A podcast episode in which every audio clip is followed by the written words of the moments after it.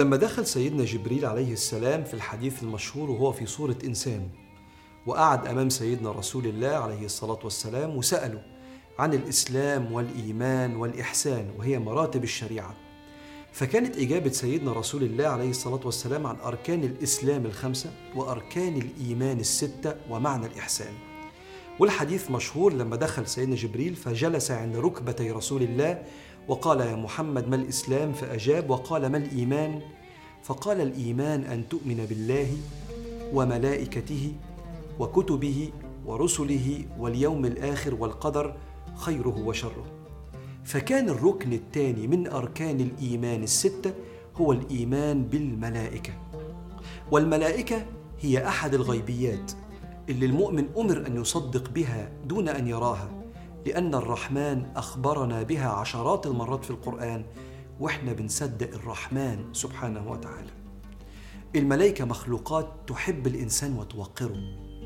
ليهم ثلاث صفات. أولا هم مخلوقات نورانية يعني مخلوقين من نور كما في صحيح مسلم من حديث السيدة عائشة قال صلى الله عليه وسلم خلقت الملائكة من نور وخلق الجان من مارج من نار يعني من لهب النار. وخلق آدم مما وصف لكم يعني من الطين ثم الطين صار صلصال كالحمأ المسنون مما وصف لكم. الصفة الثانية للملائكة بعد أنهم مخلوقات نورانية إن ليهم أجنحة. بسم الله الرحمن الرحيم. الحمد لله فاطر السماوات والأرض جاعل الملائكة رسلا أولي أجنحة مثنى وثلاث ورباع يزيد في الخلق ما يشاء إن الله على كل شيء قدير.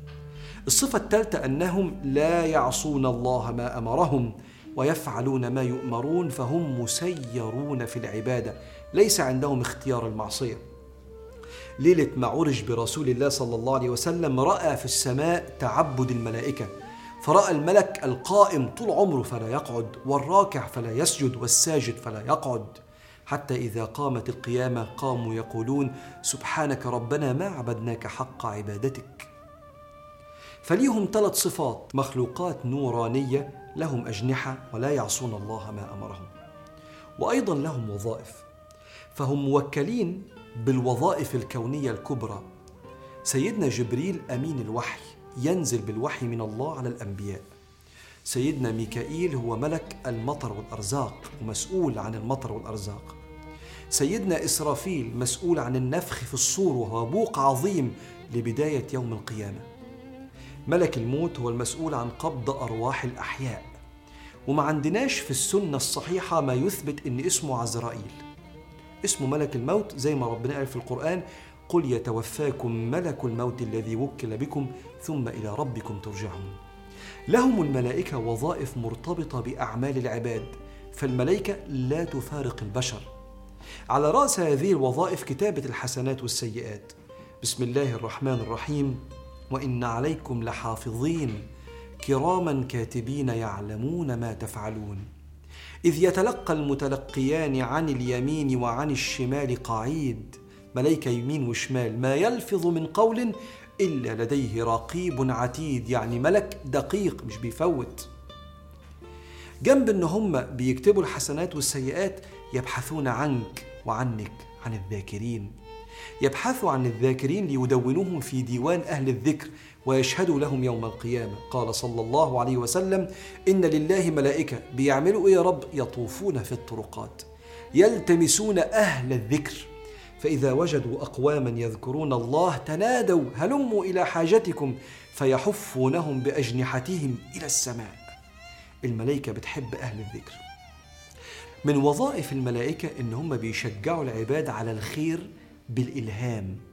بيسموه العلماء الوارد الملائكي. شيء بيرد عليه كده إلهام تشجيع على الخير. ده عكس وسوسة الشيطان. سيدنا ابن مسعود بيقول في القلب لمتان. لمة من الشيطان ولمة من الملك. لمة الملك إيعاد بالخير وتصديق بالحق. بيقول لك يلا شد حيلك. ربنا هيكافئك. ضحي عشان ربنا.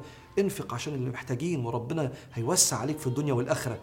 معاني يلقيها الملك في قلبك من حبه فيك وحبه لربنا.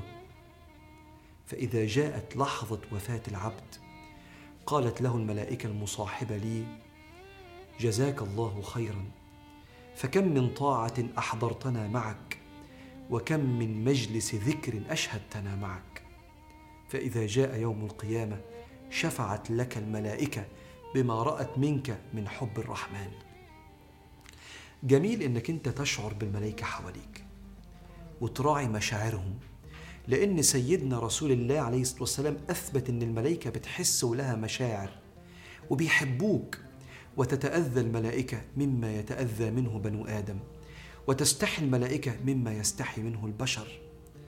فكن للملائكة أنت خير صاحب حتى يكون لك خير رفيق في الدنيا والقبر والآخرة.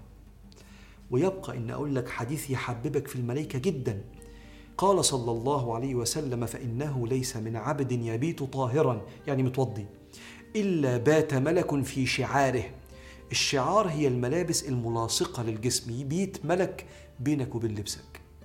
لا ينقلب العبد ساعة من الليل إلا قال الملك اللهم اغفر لعبدك فإنه بات طاهرا. بص الملائكة قريبين إزاي منك وبيحبوك إزاي وبيدعوا لك دايما ليل نهار. فاللهم إنا نسألك اليقين ونسألك شفاعة الملائكة المقربين.